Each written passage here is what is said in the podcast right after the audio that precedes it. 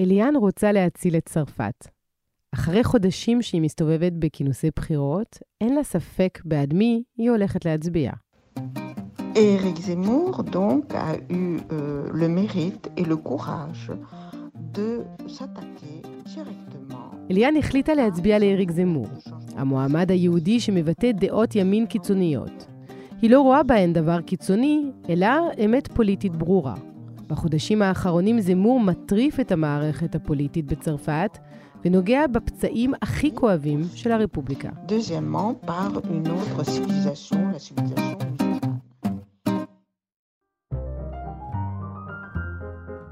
ב-10 באפריל ילכו הצרפתים והצרפתיות לקלפי כדי להצביע בסיבוב הראשון של הבחירות לנשיאות. הסיבוב השני יתקיים שבועיים לאחר מכן, ב-24 באפריל. על פי הסקרים, הנשיא המכהן עמנואל מקרון יהיה זה שייבחר פעם נוספת, אבל כדאי מאוד לשים לב למתמודדים האחרים שרצים מולו, כי דרכם אפשר להבין את הכוחות המעצבים את צרפת, וגם אולי להבין מי יהיה הנשיא או הנשיאה ב-2027. אני עמנואל אלבאס פלפס, עיתונאית ישראלית שנולדה וגדלה בצרפת, ואתם מאזינים ומאזינות לפודקאסט הרפובליקה. בשבעת פרקי הפודקאסט הזה אנחנו מנסים להבין ולהכיר טוב יותר את צרפת ואת הצרפתים והצרפתיות. בפרק הזה מתארח העיתונאי בנימין פטרובר. בנימין היה במשך שנים מגיש רדיו בצרפת וסיקר מקרוב ומרחוק את הפוליטיקה הצרפתית. איתו אנחנו מנסים להבין איזה מחיר שילמה האישה שהוציאה את המכוניות מפריז, באיזה בית ספר כדאי להתחנך כדי להיות פוליטיקאי מצליח, ומי המועמד שלדעתו מסכן את צרפת אפילו יותר ממרין לפן. ולא, זה לא אריק זמור. שלום לבנימין פטרובר, מגיש בכיר ב-i24 News. שלום עמנואל ושלום לכל המאזינים. ולשעבר גם נגיד, אה, מגיש באירופ 1, שהיא, שהיא עדיין אחת אה, מתחנות הרדיו הגדולות בצרפת. נכון מאוד. אז אה, בנימין, אנחנו ביקשנו ממך לבוא היום, כי אתה, גם אז, שהיית באירופה, היית נוהג לראיין כל בוקר דמות פוליטית בכירה בצרפת. ואתה מכיר לא מעט מהמועמדים האלה גם כי ראיינת אותם, אחרים כי אתה פשוט עוקב אחריהם. כשאנחנו קוראים את הפרשנויות בתקשורת הצרפתית בשבועות וחודשים האחרונים, הטוענות כי הבחירות האלה הן בחירות לית ברירה. מקרון ייבחר כי אין מישהו אחר מולו.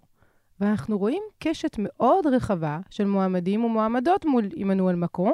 אז אני שואלת אותך, אולי יש הרבה מאוד אופציות, פשוט הוא האופציה הכי טובה? בכל המנדט שלו היו לו המון בעיות. היה הסיפור של האפודים הצהובים. יש עכשיו המלחמה בין אוקראינה לרוסיה. וכנראה שבכל הסיפורים האלו, עמנואל מקרון מתחיל בצורה מאוד קשה, ויוצא בצורה מאוד טובה, ומראה לקהל הצרפתי שהוא יודע להסתדר עם כל הבעיות האלו. אז הנה, אז הוא משכנע בסופו של דבר את רוב הצרפתים והצרפתיות. ולמה זה חשוב, המקום השני? הרי בתחרויות אנחנו יודעים שאף אחד לא זוכר את מספר 2. למה המקום השני חשוב לנו כדי להבין את צרפת? כי כל אחד מאלה שרוצים להיות בתור השני חושב שהוא יהיה ראש האופוזיציה, וכל אחד חושב על מה יהיו כבר בבחירות של 27. אז בואו נדבר על האנשים האלה. בחרנו מועמדים ומועמדות בולטים, בשמאל, אני דלגו וז'אן לוק מלנשון, ובימין, ולרי פקרס, אריק זמור ומרין לפן. אני מציעה שנתחיל מהשמאל, אולי כי זה קל מדי. Bien sûr que la gauche doute, bien sûr que la gauche est fracturée, bien sûr que le PS ne va pas bien, ça ne m'a pas échappé. נציגת המפלגה הסוציאליסטית בבחירות היא אן אידלגו. היא נולדה באנדלוסיה שבספרד ב-1959 לאב חשמלאי פעיל במאבקי עובדים ולאימא תופרת. המשפחה עברה לליון כשהייתה בת שנתיים, ורק כשהייתה בת 14 קיבלה משפחתה אזרחות. הידלגו היא האישה הראשונה שנבחרה לעמוד בראשות עיריית פריז, תפקיד בו היא מכהנת מאז 2014. אני דלגו, היא בעצם הייתה אמורה להיות אה, הפרנסואה מיטרן של היום.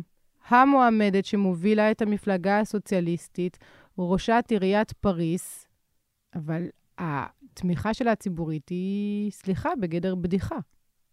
אני דלגון נכנסה להיסטוריה כהאישה שעוזרת למפלגת הסוציאליסטית ליפול. היא נכנסה לתוך מלחמה נגד רכבים. וכולם מכירים אותה עכשיו כהאישה שגירשה את הרכבים מפריס, שגירשה את האופנועים בפריס. ולקהל הצרפתי שמחוץ לפריס משתמש ברכב, היא אישה שאנשים לא אוהבים. קל ופשוט. בפריס הסיפור הוא אחר. אנחנו צריכים לדעת שבפריס 80% מהאוכלוסייה אין לו רכב.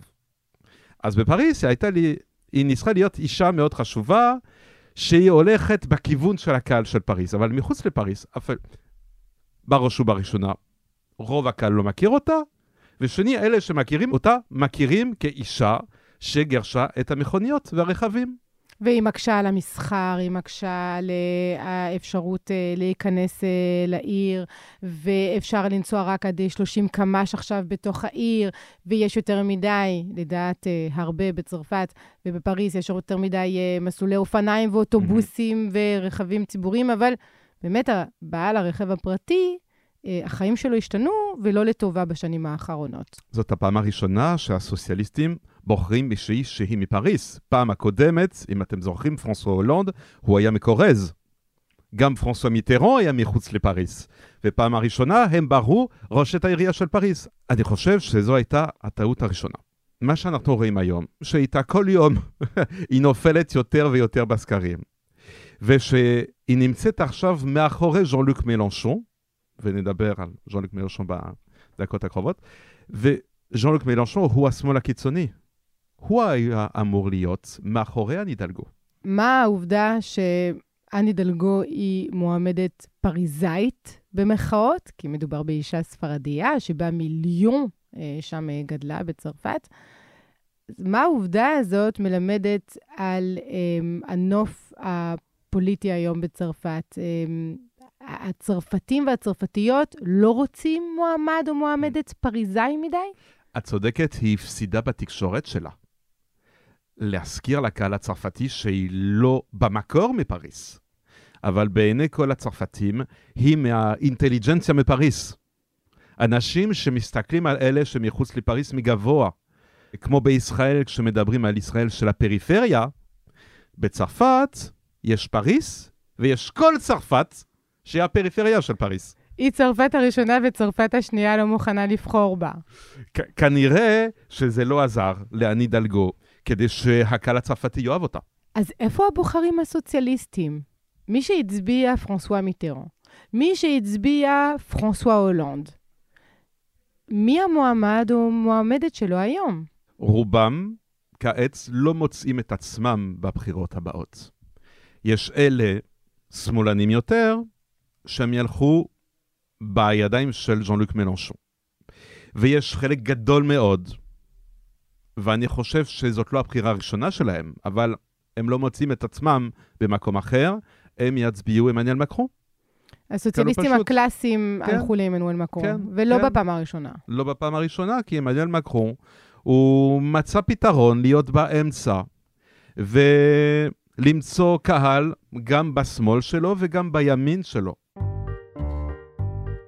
Et moi, même si ça ne me fait pas plaisir, même si je ne suis Vous pas d'accord, j'appliquerai les décisions que le peuple français Une prendra. petite dernière question. Mais j'en serais pas content. Jean-Luc Mélenchon הוא מנהיג מפלגת השמאל הרדיקלית צרפת בלתי כנועה, לה פרנס אסומיז. הוא נולד ב-1951 בטנג'יר שבמרוקו, ושם גדל עד גיל 11. אביו היה מקים רדיו בטנג'יר, ואימו מורה. אחרי הגירושים של הוריו הוא גדל איתה ונדד ממקום למקום בצרפת, בהתאם למשרות שקיבלה במערכת החינוך. הוא למד פילוסופיה, היה פעיל בארגוני סטודנטים, עבד כעיתונאי, ובגיל 70, האיש שמוכר גם בשל אופיו חם המזג, מתמודד לנשיאות בפעם השלישית. ז'אן לוק מלנשון, אומרים בסביבה שלו שהוא לא רק איש שעובד קשה והדמות שבקדמת הבמה ומייצג את uh, המפלגה השמאלנית הרדיקלית, uh, הצרפת הלא כנועה, לה פרנס אינסומיז, אלא שהוא גם ממש הוגה דעות. המוח מאחורי הנאומים מי שכותב את הנאומים של עצמו, מי שכותב את המאמרים של עצמו, מי שמפתח את האידיאולוגיה של המפלגה, ואולי זה גם הזמן להזכיר שהמנטור הגדול של ז'אן לוק מלנשון היה לו אחר מפרנסואה מיטרו, כי הוא התחיל את הקריירה שלו במפלגה הסוציאליסטית. הוא היה סוציאליסטי, נכון, הרבה זמן. והוא היה בחלק השמאלי יותר של מפלגת הסוציאליסטית, ובעקבות זאת הוא לא מצא את עצמו במפלגת הסוציאליסטית, ואני גם חושב, בשלב אחד הוא ראה שהוא לא היה יכול לעלות גבוה יותר במפלגה. ואז הוא יצא משם, והוא הקים את המפלגת צרפת לא כנועה, לפרנס אסומיז, שלצערי היא המפלגה הכי מסוכנת לעתיד של צרפת, וגם, כי אנחנו פה מדברים בארץ, ליחסים בין צרפת לישראל, לישראל וביחסים בין צרפת לקהל היהודי בצרפת. אז למה? מה יש באידיאולוגיה אני של... אני אגיד לך עכשיו דבר מאוד אישי, והרגשות אישיות. אבל לדעתי, היום ז'אן לוק מלנשון מסוכן יותר, גם ליהודים וגם לישראל, מאשר מרין לפן. צריך להבין את זה. כי היום הדעות שלה פחות קיצוניות. אבל הדעות של ז'אן לוק מלנשון יותר ויותר קיצוניות, בשמאל. מה יש בדעות בשמאל שלו? בשמאל אנטי-מונדיאליסטית, בשמאל אנטי-ציוני. יש כאלה שאומרים שהוא גם אנטישמי. אני לא חושב שהוא אנטישמי, אבל אני חושב שהוא משחק משחק מאוד מסוכן, משתמש באוצר מילים מסוכן, שהוא לא מעבר לחוק, אבל את יודעת, הוא על הגבול. דוגמה אחת, כשג'רמי קורבין הפסיד בבחירות בבריטניה, אז ז'אן לוק מלנשון טען שזה היה בגלל הקריף. הקריף זה ארגוני, ארגון הגג של יהודי צרפת. תודה. מה הקשר בין הקריף לג'רמי קורבין? אין שום קשר. אבל ז'אן לוק מלנשון אוהב לשחק. לזרוק מילים מסוכנות. זאת אומרת שהוא נתן רמז לקונספירציה וללובי בדיוק. יהודי שמשפיע על תוצאות של בחירות במדינה זרה. בדיוק, על אוצר מילים, אי אפשר ללכת לבית משפט עם האוצר המילים הזה. אבל אפשר להבין שהוא משחק, והקהל שלו מבין היטב מה הוא רוצה להגיד. אז מי הקהל שנמשך לז'אן לוק מלנשון, שמשוכנע שהאידיאולוגיה שלו והתוכנית שלו לצרפת הן הנכונות. אז חלק מהקהל של ז'אן לוק מלנשון הוא הקהל של האפודים הצהובים, אבל רוב הקהל שלו היום הוא הקהל של המוסלמים בצרפת, שלא מוצאים את עצמם במישהו אחר, וז'אן לוק מלנשון הבין שיש פה קהל שמחפש מישהו. ואני חושב שזאת הסיבה שכל הזמן הוא מדבר על העשירים, לפעמים, כפי שאמרתי, או על היהודים, או על ישראל והכיבוש, או על נגד אמריקה.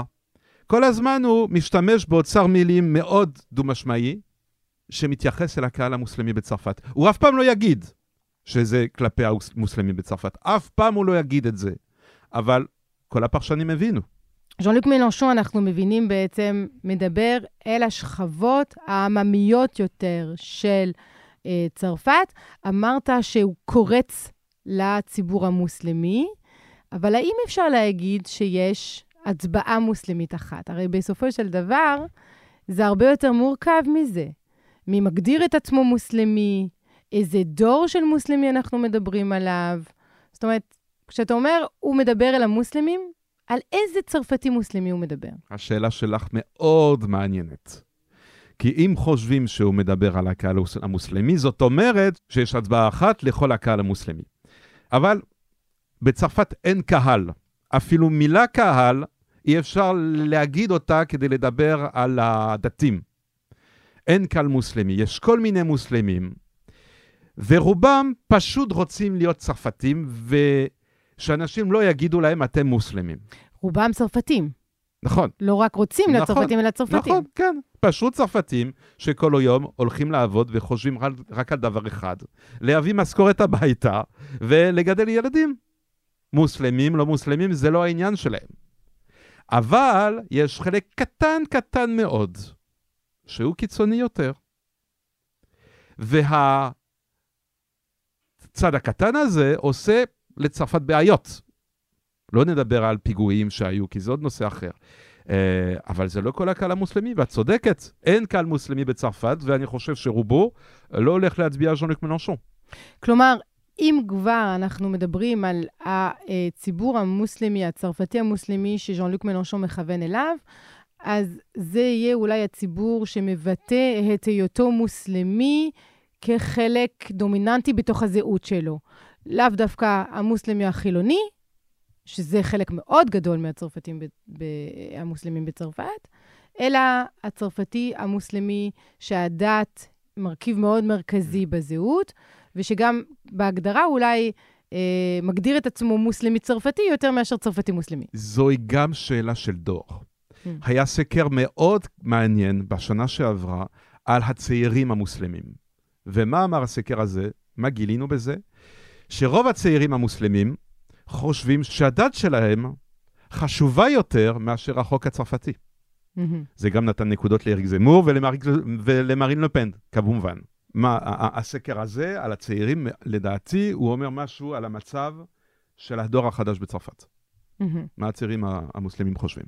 אם כבר הגענו לשאלות של, של זהויות ושל דת, שהן באמת אף פעם לא תפסו כל כך הרבה מקום בשיח הציבורי מאשר בשנה האחרונה, אז אנחנו בעצם מגיעים לריק זמור. Le sujet, c'est effectivement ce fameux grand remplacement, c'est-à-dire qu'il y a un peuple qui remplace un autre dans d'innombrables euh, endroits, qui tiers-mondise le pays euh, avec une civilisation différente, une civilisation islamique qui n'a pas les mêmes valeurs que la civilisation française et européenne, qui est même antagoniste et antinomique. ריק זמור הוא המועמד החדש והמפתיע של הבחירות האלה. הוא עומד בראש מפלגת ימין קיצוני, הרקונקט, הכיבוש מחדש. הוא יהודי, נולד ב-1968 במונטרוי, הסמוכה לפריז. הוריו הגיעו מאלג'יריה ב-1952. אביו, מנהל חברת אמבולנסים, לא נכח הרבה בבית, וזמור גדל בעיקר עם אמו שהייתה עקרת בית, ועם סבתו. הוא ניסה פעמיים, ללא הצלחה, להתקבל לבית הספר הגבוה למינהל, עינה, זה שהכשיר בין היתר את פקרס ומקרון. הוא עיתונאי, פובליציסט וסופר מצליח, הוא מפורסם בשל דעותיו והתבטאויות שפעמיים לפחות הובילו להרשעתו בגין הסתה לגזענות. אריק זמור, כולם מכירים אותו כעיתונאי. שנים רבות הוא היה בטלוויזיה, ראינו אותו בתוכנית כל יום שבת. אה, משוחח עם אורחים, מדבר על פוליטיקה, הוא היה כבר אז מאוד אגרסיבי, אה, מאוד ימני, אבל הדעות שלו, פשוט הוא כתב אותה, אותה בספרים. וצריך להגיד שהוא מכר המון המון המון ספרים. זאת אומרת שהוא בן אדם שמגיע עכשיו לפוליטיקה, אבל כל החיים שלו, יכול להיות שהוא כבר חשב על זה. הוא היה פובליסיסט, עיתונאי, איש טלוויזיה, כפי שאתה אומר, ודי מהר הפך להיות מגנט רייטינג. נכון זאת אומרת, מאוד. בכל תוכנית שבה הוא השתתף, זה עבד, עד שהוא קיבל גם את התוכניות שלו, שהתפקיד שלו בתוכניות היה פשוט לדון על רעיונות. נכון מאוד. על רעיונות שלו. נכון מאוד, וזה דבר די נדיר בטלוויזיה הצרפתית, לתת למישהו שיש לו דעות לראיין אנשים. זאת אומרת, רוב הזמן, רוב הזמן המראיין, הוא נשאר מאחורי המיקרופון ופשוט שואל שאלות. הנוטר... הנוטרליות הקלאסית לא קיימת במקרה שלו. בדיוק. איתו הוא הגיע עם הדעות שלו, ורוב הזמן הוא הזמין אנשים לא לראיין אותם, אלא לקחת את הדעות שלהם כדי להגיד, אתה לא צודק, אתה לא צודק, אתה טועה, והנה תראה מה שיקרה לצרפת.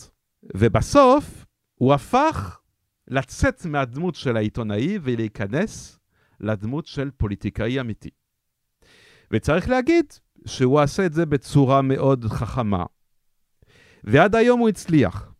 אם אני אומר עד היום, זה מכיוון שעכשיו רואים בסקרים שהוא יורד יותר ויותר. אבל רגע, שנייה, אריק זמור, צריך להגיד את זה למי שלא מבין. בהתחלה אמרנו, מדובר בטראמפ הצרפתי.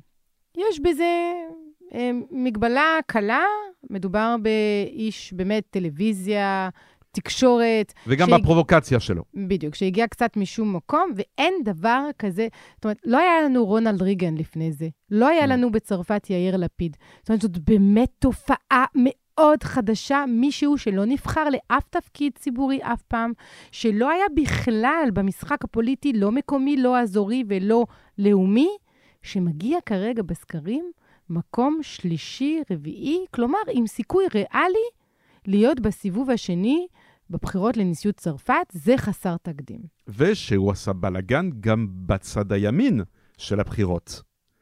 כי כולנו חשבנו שבבחירות תהיה מרין לפן וולרי פקרס, או מי שמייצג את הימין הרגיל. את הרפובליקנים. את הרפובליקנים, נכון מאוד. אבל ביניהם, אריק זמור הגיע, והוא פוצץ את הצד הימין של הבחירות. והוא מוביל את השיח. זאת אומרת, וזו גם המטרה שלו מהיום הראשון, הוא רוצה שידברו רק על דבר אחד, כפי שאמרת קודם, תיאוריית ההחלפה הגדולה, mm-hmm. שאלות של זהויות ודת בצרפת, ומבחינתו, כרגע, הוא גם, בימים שאנחנו מקליטים את הפרק הזה, אומר שלצעריו מדברים יותר מדי mm. על המלחמה בין רוסיה לאוקראינה, כי זאת לא באמת הסכנה הגדולה, הסכנה היא ההחלפה הגדולה. אז בוא, אה, תסביר לנו במה מדובר. בשבילו זה פשוט. האיחוד האירופאי אה, התמודד עם עלייה מסיבית מצפון אפריקה, שאינה תואמת לערכי האיחוד האירופאי. זה מה שהוא טוען מן ההתחלה של הבחירות ועד היום. אבל בינתיים מה הגיע? המלחמה בין רוסיה לאוקראינה. ואריק זמור, האריק זמור של העבר, שעדיין היה עיתונאי, ועדיין היה בתוכניות טלוויזיה, אז מה הוא עבר כעיתונאי? שפוטין הוא איש טוב, שפוטין הוא איש שצודק לשמור על העם שלו, וגם שלצרפת צריך ולדימיר פוטין. הוא רוצה מלך. זאת אומרת, הוא היה רוצה אולי להיות המלך של צרפת. סמכות שהיא מעבר לסמכות הנשיא. כולם רוצים להיות מלך צרפת. כולם. גם הקהל הצרפתי חושב על מלך ולא על נשיא. לא, אבל... אבל אריק זמור, הוא חשב על מישהו לבן, נקי, ששומר על הגבולות ושומר על העם שלו, פשוט. אבל גם מישהו שמחליט לבד. מבחינה קצת גזענית, אני אומר את זה, כן? גם מישהו שמחליט לבד. אריק זמור אולי היה רוצה אה, להיות דיקטטור במובן מסוים, שלא יהיה חייב לה, להתייעץ עם כל כך הרבה אנשים סביבו ולכבד את חוקי הרפובליקה? אני לא חושב עד כאן. אני חושב שפשוט לאריק זמור יש רעיונות ימניים וקיצוניים. והוא חושב שהדבר הכי חשוב הוא להגן על צרפת. על הדמות של צרפת, על ההיסטוריה של צרפת. ושההגירה מצפון אפריקה מסכנת את הדמות של צרפת. עוד דרך שבאמצעותה הוא רוצה להגן על ההיסטוריה של צרפת, זה כשהוא מציע פרשנות חדשה אה, או נרטיב חדש לרגעים מאוד משמעותיים בהיסטוריה של צרפת וגם של היהדות של צרפת. למשל, מטיל ספק בחפותו של דרייפוס. למשל, טוען שמשטר וישי אמ, אולי היה פחות רע ממה שחשבנו, כי המרשל פטן, לדעתו, הציל יהודים צרפתים. הוא טוען שפטן נתן לגרמנים את היהודים שלא היו צרפתים, אבל שבצד שני הוא הגן על הצרפתים, היהודים הצרפתים. אני חושב שכיהודי, אריק זמור היה צריך להגיד לקהל שלו, אני לא אדבר כנשיא יהודי. הוא נתן להם הרגשה שהוא לא חושב כיהודי. ומה הימין הקיצוני חושב? שפטן הוא היה גיבור. מה הימין הקיצוני חושב? הוא באמת היה גיבור, אבל של מלחמת העולם הראשונה. ש... נכון, אבל הוא גם חושב שבמלחמת העולם השנייה הוא היה גיבור. מה הימין הקיצוני חושב? שדרייפוס הוא היה אשם. עד היום. מעל לאחר מכן יש ימין קיצוני שעדיין חושב שדריפוס הוא אשם. אז אריק זמור רוצה להוכיח בעצם לקהל שלו שהוא לא יהודי? אני חושב שכן. הוא לא רוצה להראות שהוא יהודי. עם זאת, הוא אומר שהוא הולך לבת כנסת. נכון מאוד, אף על פי שבתוכניות וגם שלי, כאשר הוא היה בתוכנית שלי, הוא הסביר, או אנשים מסביב זמור מסבירים, שהוא יודע לקרוא את פרשת השבוע לקרוא את ההפטרה. הוא יודע עברית? כן, שכנראה, לא יודע אם הוא מדבר עברית, אבל הוא יודע לקרוא את ההפטרה, לקרוא את פרשת השבוע, הוא שומר על קידוש של שבת. אז מעניין, אז, אז הוא בעצם הצרפתי גדל... היהודי הקלאסי שהלך לתלמוד תורה ביום ראשון בבוקר ועשה לא בר מצווה. רק, לא רק לתלמוד תורה, הוא גם גדל בבית ספר יהודי, לוסיאן דה הירש. זה לא תלמוד תורה, זה הוא גדל בבית ספר יהודי. אז בגלל זה אני אומר לך שעכשיו הוא רוצה להראות לקהל שלו, שהוא לא היהודי מהאוכלוסייה של היהודים. אבל, אבל בוא נסביר אולי לקהל שלנו למה אריק זמור מצליח לשכנע, כי אמרנו, הוא מגיע למקום השלישי, הרביעי בסקרים, היו גם שבועות שהוא היה מקום כמעט שני. נכון מאוד. יש משהו במה שהוא אומר שעובד. ואולי די בטוח, אריק זמור נכנס לוואקום. אריק זמור מדבר על סוגיות שאף נשיא או אף ממשלה כבר יותר מ-20 שנה לא רוצה להתמודד איתן. יש הגירה בצרפת, אפשר להתווכח על מספרים. יש בעיות בשכונות שאריק זמור אוהב לקרוא להן השכונות האבודות של הרפובליקה. הביטוי הזה הוא לא משלו. ברור. הביטוי הזה הוא בא מספר שיצא בשנת 2000, אה, שכתבו כמה מורים שעבדו אז בפרברים. ושרצו להגיד לקהל, יש פה סכנה, יש דור של ילדים שלא רוצה ללמוד, לא רוצה ללמוד על השואה, לא רוצה ללמוד על ישראל, לא רוצה ללמוד על היהודים, וכאשר המורה מתחיל ללמד על השואה, הם מתנגדים ואומרים שהסיפור של הפלסטינאים הוא גרוע יותר מאשר השואה. ואז המורים האלו כתבו את הספר הזה. ואני זוכר, כי אז הייתי כבר עיתונאי וכבר ראיינתי אחד מהמורים האלו.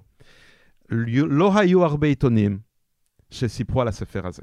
נכון. ועכשיו אנחנו שני עשורים לאחר מכן, ורק עכשיו מדברים על הספר הזה.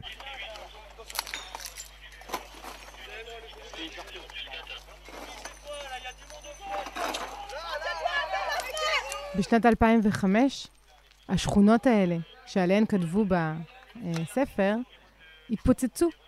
הפרברים של פריס, אנחנו זוכרים את התמונות, המהומות, אה, שרפו מכוניות ימים אחר ימים, המשטרה לא נכנסה לשכונות, אה, לסיטה.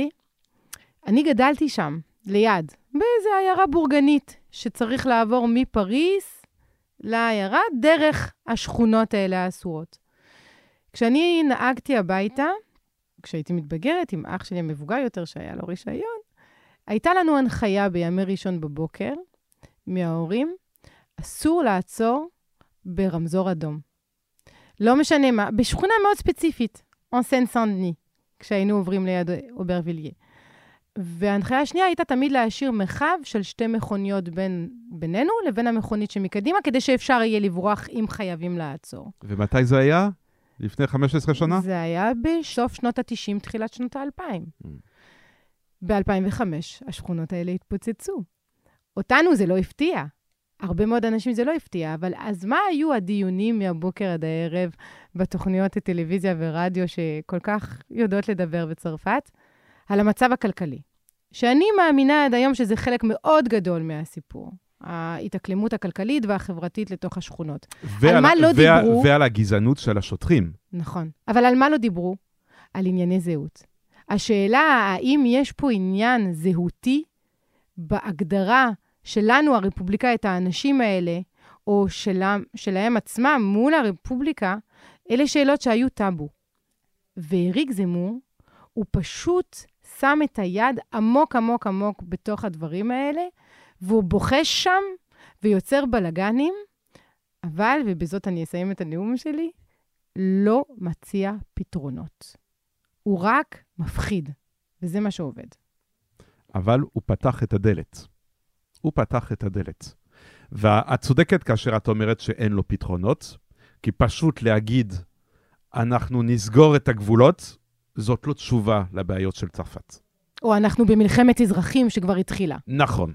יש דוגמה שאני אוהבת לתת. אמא שלי נולדה להורים אלג'ראים בצרפת.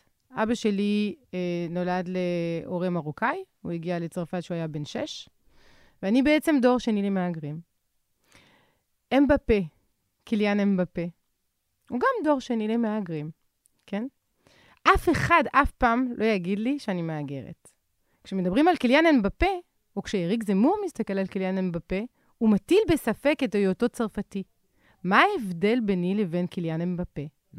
קיליאן אמבפה שחור, אני לבנה. זה ההבדל היחידי. זה לא רק בעיה של צבע. הבעיה היא גם של דת. בשביל אריק זמור, אין הבדל בין אסלאם לאסלאמיזם. זה דבר שהוא אומר, כן. זה הוא דבר לא, הכי חשוב בשבילו. בשבילו, האסלאם היא דת מאוד מסוכנת. קל ופשוט. אי אפשר להביא אנשים ששומרים על הדת המוסלמית כפי שהיא, ולהשאיר אותם בצרפת. אם הם רוצים להיות בצרפת, הם צריכים לשמור על הדרך לחיות הצרפתית. אבל בשבילו אין הבדל בין אסלאם ואסלאמיזם. למשל, הסכנה הכי גדולה שלו זה אנשים, וזה גם חלק מהאמת, אנשים שמתפללים ברחוב, מוסלמים שמתפללים ברחוב, זה גם קיים. או אזורים בצרפת, שכבר אה, אין אטליז שמוכר בשר אחר מאשר בשר הלל. בשביל אריק זמור זאת סכנה. אז הפחד כלפי האסלאם, אה, יש לו בסיס אמיתי. דיברתי לפני כמה דקות על הסקר שאומר שרוב הצעירים המוסלמים חושבים שהדת שלהם יותר חשוב מאשר החוק הצרפתי. מה זאת אומרת? שבעוד כמה שנים הדור הזה היא הדור העתידי של צרפת, ואולם ההתנהגות של הדור הזה תהיה סכנה לצרפת. יש גם את השאלות שאריק זמור לא נוגע בהן, זה גם מה אחריות הרפובליקה וממשלות צרפת לאורך דור ודור ודור כלפי האוכלוסיות שהיו פעם אוכלוסיות של מהגרים, שלא תמיד אה, הרפובליקה ידעה להתמודד איתם ולאפשר להם התאקלמות אה, הולמת. השאלה הגדולה אבל, זה האם אחרי שהבנו כמה הוא מצליח להשפיע על השיח, אנחנו רואים מועמדים ומועמדות אחרים שנגררים לתוך השיח הזהותי הזה. נכון מאוד. et que moi je lutte contre l'islamisme, c'est-à-dire je ne lutte pas contre une religion, je lutte contre une idéologie, qui est une idéologie qu'on appelle l'islam politique euh, également, et qui euh, vise euh, à imposer la charia, c'est-à-dire un certain nombre de règles qui vont euh, évidemment à l'encontre de nos valeurs, de nos lois, de notre constitution. מרין לופן, מועמדת המפלגה ההיסטורית של הימין הקיצוני, נולדה ב-1968 בשם מריון אן פרין לופן. אביה הוא ז'אן מארי לופן, מייסד ומנהיג החזית הלאומית, לפרון נציונל, הידוע לשמצה. את מושכות המפלגה היא קיבלה ב-2011, וב-2018 היא משנה את שם המפלגה לאיחוד הלאומי, לו רסמבלמנט נציונל. היא מתמודדת לנשיאות בפעם השלישית, אחרי שב-2017 הגיעה לסיבוב השני מול עמנואל מקרון, שניצח אותה והפך לנשיא הרפובליקה. ומגיעים עכשיו למרין לפן, שהיא הייתה האישה הכי קיצונית שיש בבחירות בצרפת. היא הבת של ז'אן מארי לפן, כמובן, שהוא התחיל את הסיפור הימין הקיצוני של צרפת בשנות ה-70, שבשנת 2002 הוא היה בתור השני, וזאת הייתה בצרפת מהפכה ענקית, וזה היה שוק גם לרוב הקהל. והקהל שלו היה קהל ימין, קיצוני, אנטישמי, גזעני. ידענו את זה. אבל כאשר מרין לפן הגיעה, היא ניסתה לנקות קצת את הדמות של משפחת לפן, ולהראות שהיא פחות קיצוני ממנו.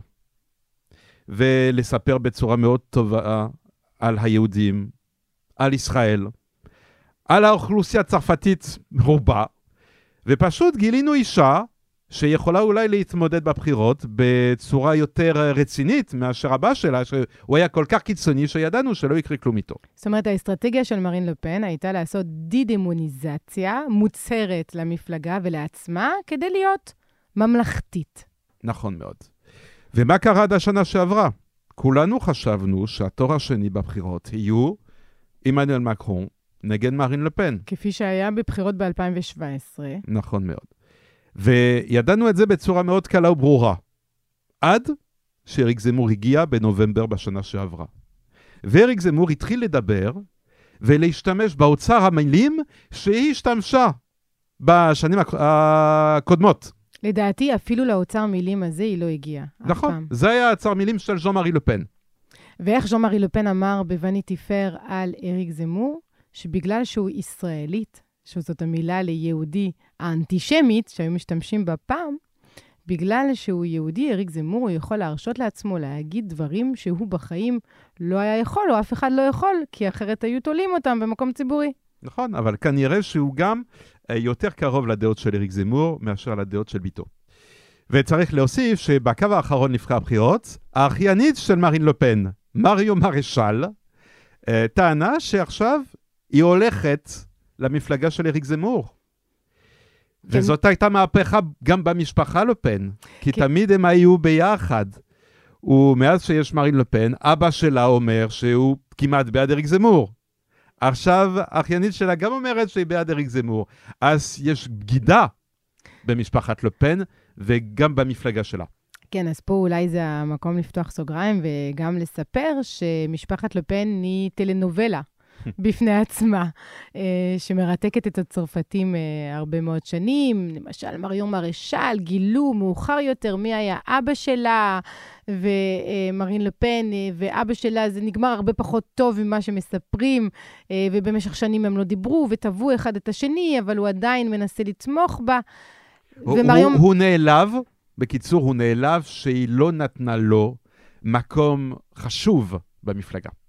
והיום, כששואלים את מרין לפן על הבחירה של אה, מריון מרשל לתמוך באריק זמור, היא אומרת שזה עניין משפחתי מאוד כואב ושהיא לא מוכנה לדבר עליו. צריך להגיד שמריון מרשל, היא הייתה לפני כמה שנים באמת הבטחה מאוד גדולה לפוליטיקה הימנית הקיצונית של צרפת, שהדעות שלה באמת יותר קרובות לאלה של אריק זמור.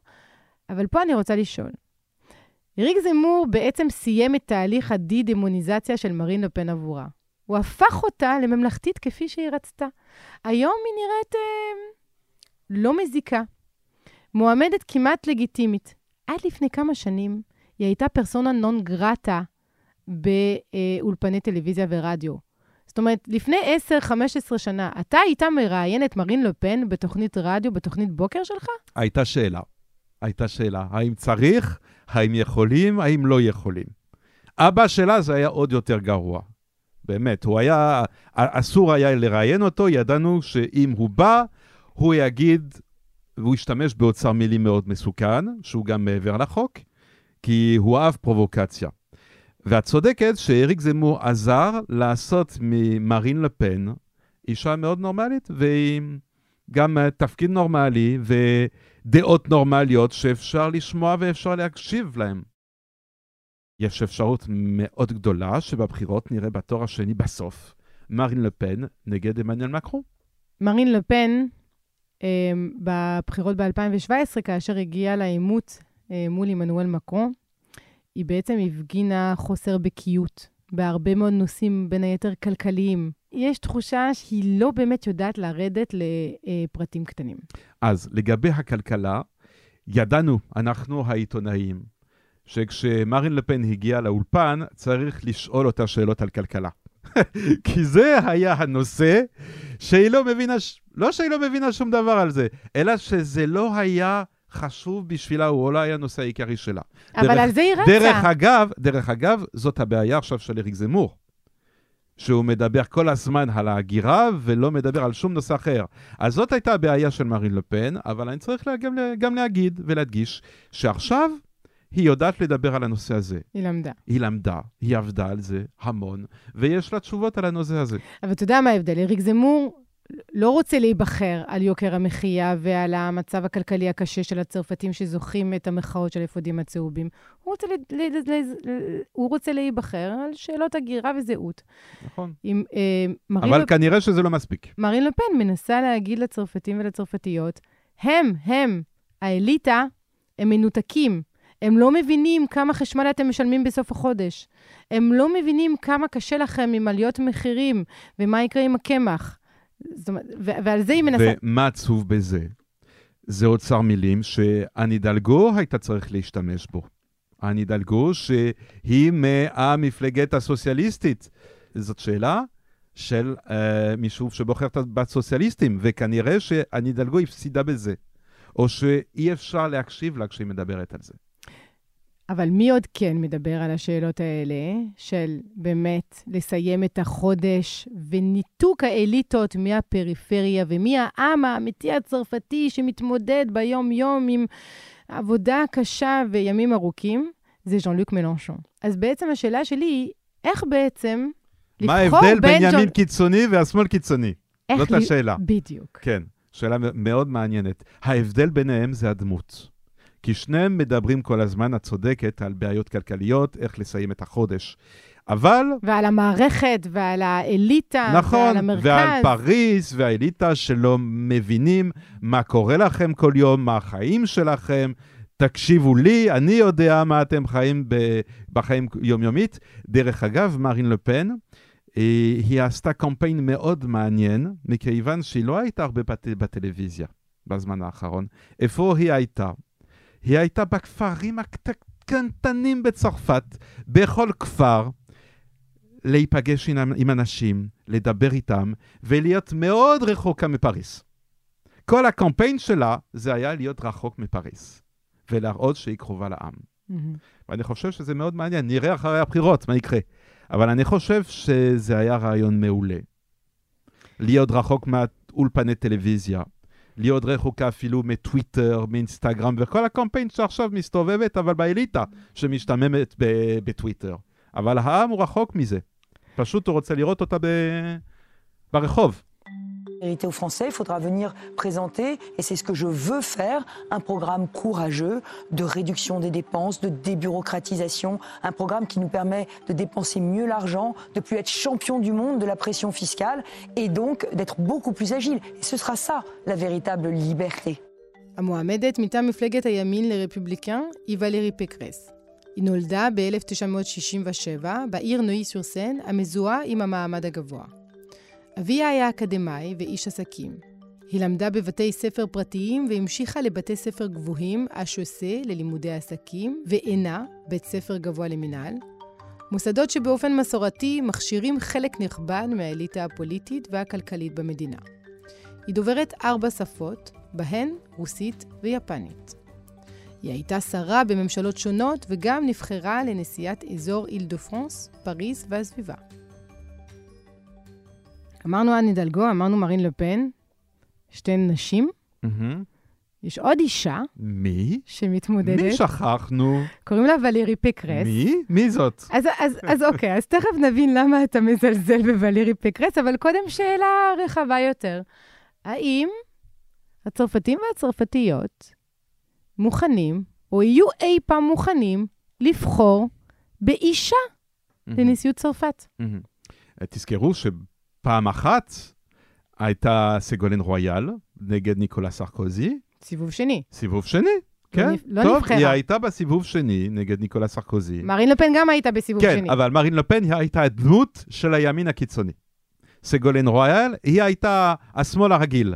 אז הייתה לה אפשרות להגיע עד הסוף. כלומר, אתה חושב שלהיות אישה בצרפת זה לא מכשול להיבחר לנשיאות צרפת? בעיניי זאת לא שאלה. היום זאת לא שאלה.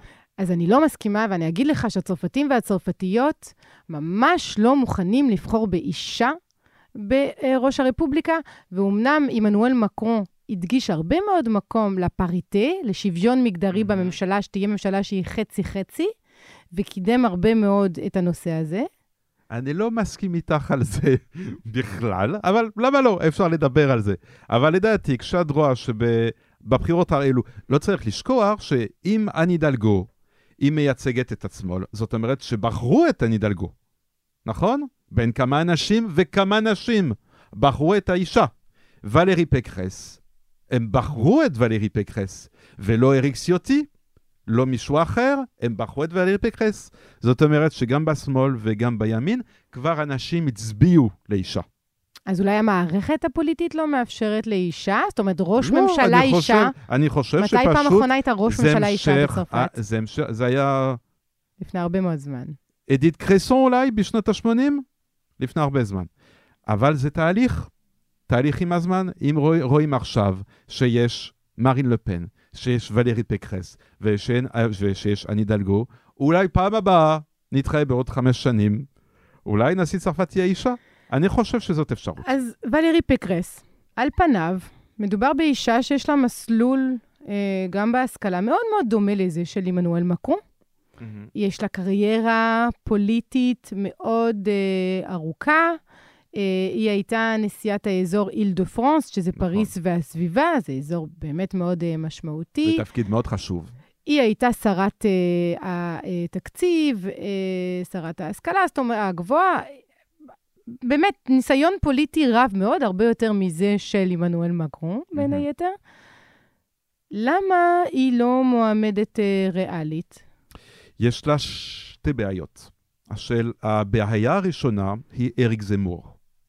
אריק זמור, שלקח את כל האוצר המילים של הימין, ושכנראה הוא הצליח לעקוף אותה. אבל האוצר מילים של הימין הראשונה. הוא לא אוצר מילים גזעני, ולא אנטישמי. נכון, אבל בשמאל של ולרי פקרס יש עמנואל מקרון.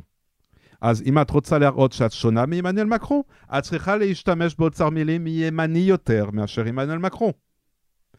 והבעיה השנייה שלה, זאת בעיה של אישה שכנראה לא יכולה לדבר בצורה מאוד קלה אל הקהל. בשבילי יש שאלה שאין לי תשובה. למה לאישה שהיא הייתה נשיאת אזורית דה פרנס כל כך הרבה שנים, כשהיא על במה, היא פשוט לא מצליחה לקבל את האור. אין לה כריזמה? אין לה כריזמה, כנראה שאין לה כריזמה. בימתית. היא, היא, היא נותן לנו הרגשה שזאת הפעם הראשונה שהיא, שהיא עולה על במה, ושהיא מדברת מול קהל, וזה מאוד בעייתי. כנראה שהיא הפסידה בזה.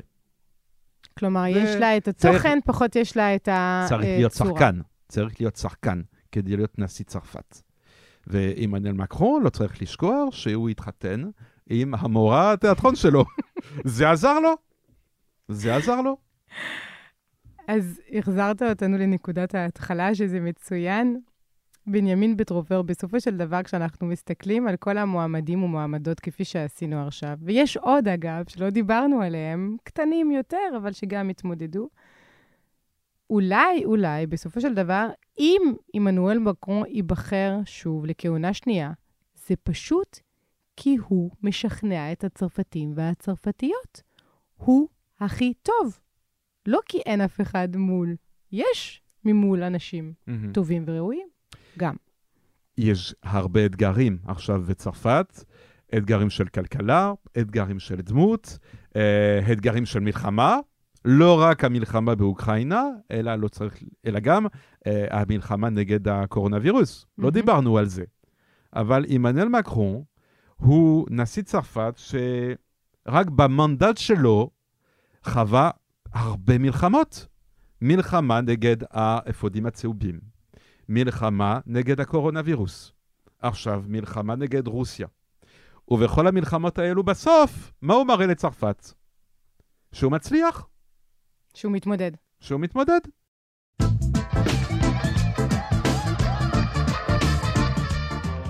בנימין פטרובר, תודה רבה לך. תודה לך. עד כאן הפרק הזה של הרפובליקה, הפודקאסט שמנסה להבין את צרפת ואת הצרפתים דרך הבחירות לנשיאות. אני עמנואל אלבאס פלפס, ואם אהבתם את מה ששמעתם, אתם מוזמנים להמליץ עלינו לחברים, לבני משפחה, אנחנו מאוד נשמח להגיע להרבה נשים ואנשים. את הפודקאסט הזה אתם יכולים למצוא באתר ובאפליקציה של הארץ, ובכל מקום בו אתם מאזינים לפודקאסטים. Tout d'abord, l'Oreja Podcast, Asaf Friedman, la Mifique, Amir Facto, l'Oreja Sound, Jonathan Manievich, et l'Oreja Tapaskol, Chania Vira.